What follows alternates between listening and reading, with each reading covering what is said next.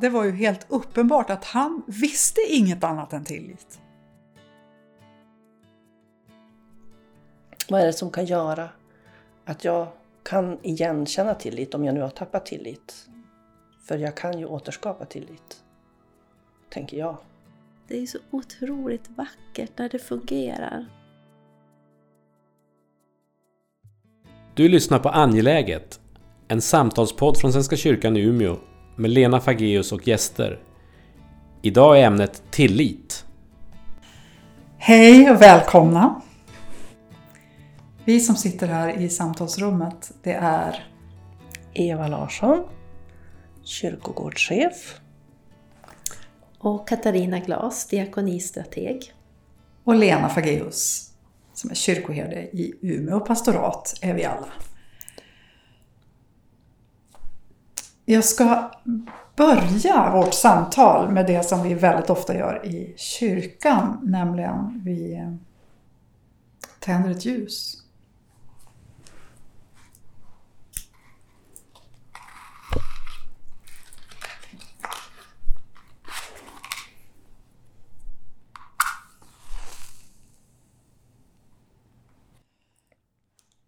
Finns någonting med det där med, nu har vi ju, jag har bjudit in er till det här samtalet och det finns någonting med, med att, att bara sätta sig ner och prata. Mm. Att det är någonting som gör någonting med oss. Jag har en känsla av att, att ja, men i, i vardagen så ja, men vi springer på och vi har korta ärenden och vi har någonting som vi måste prata med varandra om. Men hur ofta är det som vi sätter oss ner och faktiskt talar om någonting som är angeläget och som berör oss på olika sätt eh, allihop och som kanske berör fler. Det är ju därför som vi spelar in det och inte bara sit, sitter ner för oss själva. Det är någonting med bara att, att få samtala tillsammans som är stort och fint och viktigt. Och temat idag det är tillit. Och Ja, ja alltså att det blev det här temat. Jag tror att det handlade om att vi har pratat en del i, eh, här på jobbet om tillit. Att vi ska liksom tänka kring led, ledningsfunktionerna som mera tillitsburna och sen så, ja, men så har vi varit lite upptagna av frågan kring tillit. Vad är tillit? Hur formas det? Finns det där från början i, i varje person eller är det någon, vad, vad ska till för att det ska bli tillit? Varför blir det så olika? Och jag tänkte bara kasta ut Mm. de där frågorna lite. Och Så. varför är tillit så viktigt idag, i Mm. de tider vi lever nu? Just. Visar vi tillit? Får vi tillit? Mm. Varför litar vi på det som sägs? Mm. Ja, om vi ska koppla det till Corona så är det Mm. verkligen, så sticker ju Sverige ut på det sättet Oerhört. att det är, att, ja, men det, är- vi, vi litar på Mm. de där experterna. Mm. Mm. Jag, har- jag har tänkt mycket på tillit sen jag kom på det här jobbet och även tidigare. Att det, det formar så mycket av samspelet mellan oss människor. Om vi har tillit eller inte har tillit. Det styr så mycket av hur det blir. Mm. Om man utgår från misstro på något sätt eller utgår från att den andra vill väl. Mm. Det kanske blev fel, men i grunden vill den mig väl. Där någonstans, det styr så otroligt mycket av hur, hur vi förhåller oss till varandra som människor och Mm. medarbetare. Och I familj och överallt egentligen. Mm. Så, Och vad är det som gör att jag kanske inte vågar visa tillit till min medmänniska? Har jag varit med om någonting väldigt tråkigt eller är det så att jag eh, jag har aldrig fått respekt, jag har inte vågat visa mod, jag har inte vågat visa mig sårbar. Eh, det finns ju mycket att fundera kring just vad är det som vad är det som kan göra att jag kan igenkänna tillit om jag nu har tappat tillit. Mm. För jag kan ju återskapa tillit. Tänker jag. Den frågan ska vi återkomma till. Alltså jag, verkligen. För det är ju spännande. Vad som händer när den går sönder. Liksom. Men jag, när vi började samtala om det här, då, då hade jag på min näthinna en, en händelse, jag tror att jag berättar den för er. En händelse när jag var med mina syskon och syskonbarn och ett av syskonbarnen var typ två år. Och han gick på en mur och balanserade och sen bara plötsligt så kastade han sig ut mot där vi gick. Och vi var ju inte uppmärksamma på att han skulle kasta sig. Så det var typ bara tur att, eh, att hans pappa lyckades fånga honom där helt eh, crazy. Eh, och, och den pojken, Joel heter han, det var ju helt uppenbart att han visste inget annat än tillit. Han visste att hans pappa skulle fånga upp honom. Eh, och jag tror att ibland så brukar jag säga det att det är förunderligt att det finns människor som överhuvudtaget som är äldre än två. Eftersom det är så många sådana där scener där barnen bara oh, eh, utsätter sig för massor med risker, ger sig hän mm. och, och, och, och litar på att föräldern eller den vuxna fångar upp dem i det behov som de behöver. Men man kan ju också fundera över om det alltid är så. Är det så för alla barn eller hur Precis. kommer det sig att det blir så att man känner en sån tillit? Mm. Det säger ju också hur viktigt det är att jag som vuxen också måste ge, barn, alltså, ge barnet en trygghet. Mm. Att visa att men ändå barnet är sårbart. Mm. Att förhålla sig till det där gränslandet. Mm. Ja, när man, när man kommer till de där exemplen med barnen som man ska våga släppa fria för att de ska få pröva tillit. Då inser man hur svårt det är att, mm. att våga, våga pröva tillit på något sätt. Mm. När, när jag har tänkt på det här så tänkte jag att min, våran mellanpojke fick diabetes när han var 12 år, mitt i sommarlovet. Han var sån här livlig fotbollsgrabb, älskade fotboll. Eh, och så hamnade vi på, inlagda på sjukhus då. Och eh, där så den första frågan han fick första morgonen det var vad hade du tänkt att bli Albin? Och han svarade fotbollsproffs. Vad bra, det går bra, svarade de. Det enda du inte kan bli är pilot och lastbilschaufför och dykare, allt annat. Du kan leva helt normalt, du kommer kunna göra allting du vill utom det. Eh, och det där litade han fullt och fast på. Så en månad senare ska han iväg på innebandyläger, bo själv, bada i havet och i bassänger och bara unga ledare och bo på en gympasalsgolv där eller hur det var. Och jag skulle våga släppa iväg honom. Oh. Det var hemskt. För att han, hade ju kunnat, han kunde ju inte sin, sköta sin diabetes, han bara några veckor. Men för honom, han tvivlade aldrig. Han visste ju, jag kan göra allting som alla andra kan. Det sa doktorn åt mig. Så att jag var ju tvungen att släppa iväg honom, för att han hade ju inga tvivel. Mm. Så jag, du behövde ha tillit? Ja, jag behövde ha tillit. För att han skulle se att ja. hans mm. tillit höll på något sätt. Ja. Det, och det gick ju bra, men alltså jag var ju så lättad när han kom hem igen. Att det hade gått bra. Men jag har tänkt på det mycket sen, hur det bar även vidare. Att, att, att vi klarade av att släppa honom där och lita på att han skulle fixa det. Mm. Ja, det, det, har hjälpt att han har klarat mm. allting. Det, mm. det, har gått så. Han har kunnat leva mm. som alla andra. Mm. Så det är verkligen någonting med att, att både alltså, ja, men vara någon som, mm. som ett barn kan lita på. Alltså att man kommer när de skriker, att man fångar dem när de behöver. Att, att man eh, kompenserar det som behöver kompenseras när de är små. Det finns en, en boktitel som har klingat i mig sedan vi började prata om att vi skulle ha det här samtalet.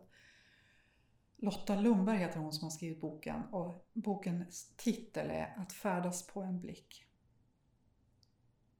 Och, och, och det handlar egentligen om människoblivande, alltså att, att varenda en av oss har legat i en famn och mött en blick. Och där börjar tillitsbygget. Att jag, någon ser på mig med kärlek och, och, och vågar och jag kan vila i den blicken på något sätt. Jag tycker det är så, jag slutar aldrig förundras över det där, den anknytning som blir i, i bara blicken mellan en förälder och ett mm. barn. Och hur starkt det blir till att, till att grundlägga tillit, känslan av tillit till mig och till den andra. Mm. Jag tänker också på det här kring din son där. Eh, vad oerhört viktigt det var att, att då läkaren uttryckte sig som han gjorde och inte sa att eh, ja men att vända på det, att, att bara prata om det svåra. Mm. Utan det fanns inga, ingenting som var omöjligt. Mm. Nej, jag har varit så tacksam över det. det var. Mm. Just det här att ge bekräftelse, att, att eh, ge dem styrka. Och jag tänker det du sa det här med att en blick, att komma då de gråter, att, att ta emot dem om de faller. Eh, Så oerhört viktigt det är att inte tänka att ett barn gör det för att jäklas. Mm. Alltså det är så många som ja men Mm. Man kan ju inte hålla på och skämma bort dem. Mm. Alltså ett barn kan vi aldrig skämma bort. Mm. För att de ska få en grundläggande tillit. Mm. Vi har varit inne på, eh, när vi har liksom pratat inför det här och, eh, och så har vi också pratat om hur, hur relationen är mellan tillit och sårbarhet. Kan inte du säga någonting om det Eva? Eh, ja, men just det här att eh, för att få tillit och kunna ge tillit måste, måste man, eller som jag ser det så, så måste man visa sig sårbar. Alltså att kunna uttrycka att jag blir ledsen eller det här känns inte bra. Eh, och att också möta den som är sårad eller visar sig sårbar. Att våga möta det. Eh, och vågar jag möta det så visar jag ju mod. För det kan vara jobbigt att visa eller att ta emot. Mm. Så sårbarhet, mod och tillit tycker jag är ganska nära förknippat på något sätt. Mm. Mm. Man, man brukar ju säga så att tillit det kan man inte kräva, det måste man förtjäna. Ja. Eh, Och då tänker jag precis sådär, jo men man måste också våga pröva tilliten och då, då är man i den där sårbarheten någonstans. Okej, jag känner mig, jag har inte tillit till dig. Då, då är det din sak att se till att jag får det. Det är Mm. liksom inte så enkelt Nej. utan jag måste också se min tillitsbrist tror jag och våga, våga utsätta mig för att våga Mm. gå ett litet steg, lita, ta små, små steg i tillit på något sätt och Mm. pröva den där tilliten. Och då blir man ju väldigt sårbar. Mm. Tänk, tänk att det är som med, med kärlek, tänkte jag när du pratade om barnet där. Att alltså, så för varje gång man älskar någon och kommer nära så är det ju också hela tiden en risk för Ja. sorg. Mm. Och det är lite samma sak Mm. med tillit och sårbarhet. Alltså det är Mm. inte, det är inte Mm. alltid enkelt. Det kan krävas den där svagheten, skörheten för att tilliten ska kunna växa starkare. Precis. Så att det, alltså det, det, vad ska man säga, risken med kärlek är ju att man förlorar den. Ja. Öppnar man sig för kärlek så finns det ju också en, en Mm. risk att, man, att den går förlorad. Precis. Och att det, finns, att det finns de som väljer bort den nära relationen eh, för att man inte vågar riskera det. Mm. Alltså oerhört tragiskt. Mm. Och så kan jag tänka att det kan vara också med tilliten. Att den, den, den behöver den här sårbarheten för att djupna. Ja. Men det är ju också hela tiden en risk då Ja. Mm. i att våga Ja. Mm. kasta sig ut i tillit på något sätt. Tänk om jag blir besviken Mm. igen. Eller, Går det att, du var inne på det förut Eva, går det att laga när det har gått? När det har, när, när det har blivit en tillitsbrist, när man har tappat förtroendet för en person eller en relation? Går det att laga? Jag tänker ju att det går att laga. Eh, Men det handlar om ett, ett, eh, ett arbete, ett hårt arbete. Mm. Eh, Och jag tänker att det handlar om det här med sårbarheten. Att prata om det, att visa att det här gjorde mig väldigt illa. Mm. Och att uttrycka att jag har tappat tillit till det du säger eller gör. Mm. Just det här att handling och ord och handling hänger inte ihop. Det är ju många gånger då vi tappar tilliten. Det är så oerhört viktigt att ord och handling hänger ihop. Mm. För det som jag ser tolkar jag ju. Mm. Och om, om det inte hänger ihop med det som, som du sa Katarina, då, då kan jag Mm. ju Alltså, det behövs så lite för att jag ska tappa tillit till en person. Det, ibland behöver det inte vara så stora saker. Det behöver inte vara så svåra och tunga saker. Mm. Det kan vara det lilla och, och blir det många små saker så... Men du, det är intressant också när du säger att det beror på att det kan vara små saker där du, som du tolkar som... Mm. Så du, din tolkning gör att Precis. det blir Och det misstro. kan, ja, och det kan ju vara jättefel, det jag tolkar. Eller hur? Men, men det är min världsbild. Så det, då kan man ju tänka att ganska enkelt skulle man kunna säga jag fattade det här så här. Mm. Är det så? Då kan den andra få säga ja eller nej på det. Precis. Så att man vet att man har förstått rätt. Mm. För det är ju egentligen alltid det här med kommunikation. Ja. Och kommunikation i tillit, det, det kräver ju lite grann. Mm. Och det kräver ju två parter. Alltså det är svårt för en part bara att reparera tillit tror jag. Ja. Det, Det, tror det måste, man måste mm, gå från båda håll. absolut, men jag tänker att den som har tappat tilliten, om jag är intresserad av att reparera. För jag måste ju också vilja. Jag måste vilja känna tillit till dig Ja. för att ta tag i det när jag har tappat den. Mm. Mm. Är jag inte intresserad så går jag ju bara iväg. Och då Mm. var det väl, Då fick Det så- vara liksom. ja. Ja. det är väl de valen jag har då, Mm. tänker jag. Sen är det klart lätt att säga att det går att reparera. Jag tror också att det går att reparera men det är klart att ibland kan det vara svårare. Ja, alltså, och jag tänker att det, det, handlar eh, det handlar ju väldigt mycket om hur, om man gör några små försök och inte blir bemött i det. Mm. Eller förstådd eller sedd i det. Eh, Jag vet att jag nämnde för er en, en, en, eh, en situation från mitt eget liv där, där jag hade blivit så arg och besviken över någonting som hade hänt. Och, och kände att nej, men jag, nej, jag tror att jag kommer inte hem. Jag kommer inte hem mer. Eh, Det var verkligen förtvivlat. Det här, jag såg inte ut i det här. Och sen så gick jag till min pappa och så sa jag så här känns det. Och han, eh, han hade kunnat bli arg, han hade kunnat hamna i försvar, han hade kunnat tycka att jag var dum. Men han sa, jag fattar. Jag förstår att du kan känna sådär. Och för mig blev det en vändpunkt. eh, Att det, att det blev mycket bättre än vad det hade varit innan. Att det djupnade. Mm. Och att jag verkligen kunde liksom känna tillit till honom och till att han, han vill i alla lägen förstå. Ehm, Så att det, det är ju, det, om det, ja, det är verkligen två parter. Mm. Om, jag behöver, om det är jag som har brist på tillit så behöver jag våga och vilja eh, försöka laga eller försöka Uttrycka det. Ja, uttrycka det. Men den andra behöver också möta mig där Mm. jag är. Mm. Inte hamna i försvar, inte börja förklara sig Mm. utan, utan höra vad jag säger. Mm. Och där tror jag att det är många av oss som trampar väldigt fel, eller hur? Ja.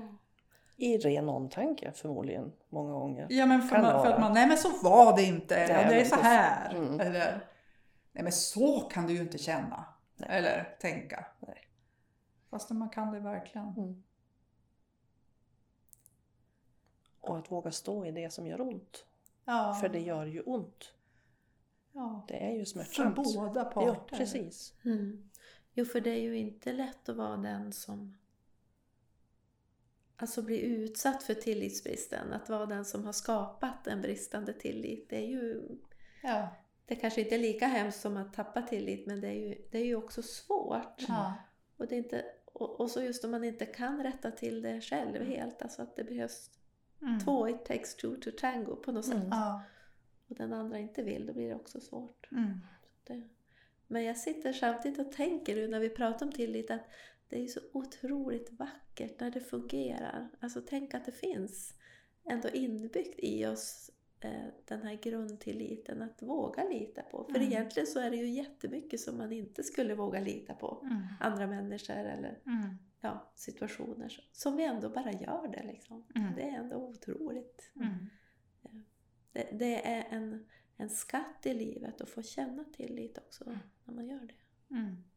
Men hur är det där med tilliten till sig själv då? Det har vi inte pratat så mycket om. Men det, för det är ju också någonting Mm. med ja, men mig som person eller som, med, i min kompetens. Mm. Eller, Tror jag på mig själv? ja. Vågar jag? Lite som du pratade om tidigare vid något tillfälle, det här med vad... Alltså jag, någonstans så hör det ju ihop lite då med jantelagen. Mm. Och vi har sån stark jantelag men ändå så har vi sån tilltro. Mm. Eller tillit. Mm. Och lita till alla. Mm. Vad, vad gör det med oss? Mm. Ja. Du ska inte tro att du är något. Nej, och då tänker jag det är ju självtillit. Vågar jag? Mm. Kan jag? Mm. Är jag kompetent tillräckligt? Mm. Tillräckligt för vad? Mm. Får jag misslyckas? Det, Mm. det beror ju... Och när är det misslyckande? Ja. I vems ögon? Mm. I mina egna. Mm. Många gånger. Precis, man är ju oftast hårdast mot sig själv. Mm. Mm. Det där är svårt med tilliten till sig själv, hur man benar i det. Liksom. Mm. Vi, nu har vi pratat om att det behövs två, men om man står där själv, hur, hur, Mm. liksom, Det är jag till mig. Till mig. Ja. jag och mig. hur gör man och hur, hur får man syn på när det brister och så. Det kanske man också skulle kunna prata om med någon annan. Liksom. Få hjälp och få syn på hur man ser på sig själv. Ja, alltså det, det, det kan man ju verkligen tänka att det, när man, när man eh, sitter i ett samtal så kan man ju, när man hör sig själv säga hur man tänker om sig själv Mm. så, så blir det synligare hur jag, hur jag faktiskt ser på mig. Mm. Så att på det sättet behövs det också där två. Ja, precis. Mm. Att det, det, det som, också det som är trasigt i mig behöver vara, lagas i en relation. Mm. Du ser ut som att du vill säga något. Ja, ja, men jag det är så lätt att vi lägger in värderande ord. Mm. Och då blir det ju så att jag jämför mig med någon mall som jag har. Ja. Eh, bara en sån sak. Säg några kloka ord. Mm. Oj, vad är kloka för mig? Och kloka? Oj. Då kan jag ju bli rätt så matt. Mm. Men, men att eh, det hänger ändå, ja, det hänger också ihop tycker jag på något sätt. Ja. Mm. Att, Att, det, att det är lätt att man blir osäker. Det är mm, lätt att man blir osäker. Sen tänker jag att det skulle vara intressant också att fortsätta den här diskussionen omkring kön. För är det Mm. likadant för kvinnor och män? Omkring det där med tilliten till sig Mm. själv. Eller är det... Eller är det... Skiljer, skiljer vi oss åt? Jag tänker mer att vi skiljer oss åt som människor än, än att, att I det är kön. könsbundet. Sen kan det ju vara så att, att liksom normer och så gör att det är svårare att visa och få syn på kanske. Ja. För den ena eller den andra. Eller men, mm, Mm.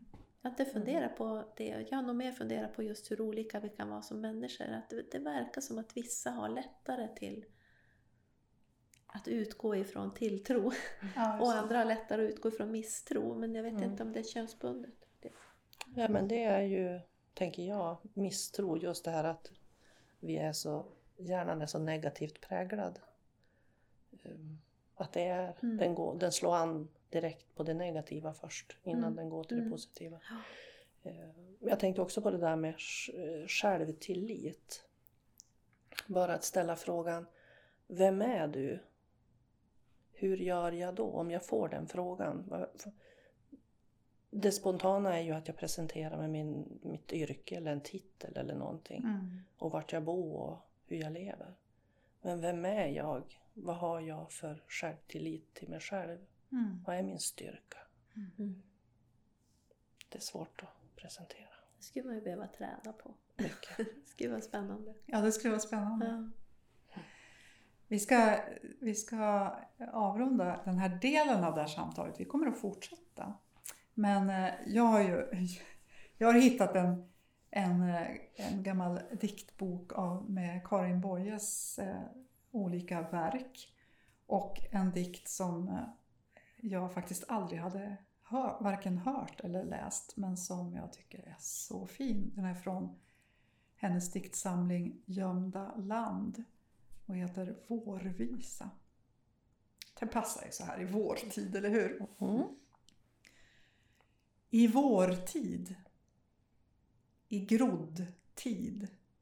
då brister frönas skal och råg blir råg och tall blir tall i frihet utan val. En ilning av vällust går genom själ och kropp. Att jag är jag, nödvändigt jag, en brodd som hittat upp. Ett vårskott vars växtkraft jag knappast anar än. Men stammens sav med bitter smak. Med lust jag känner den. Så bort all min feghet. Jag hör min framtid till.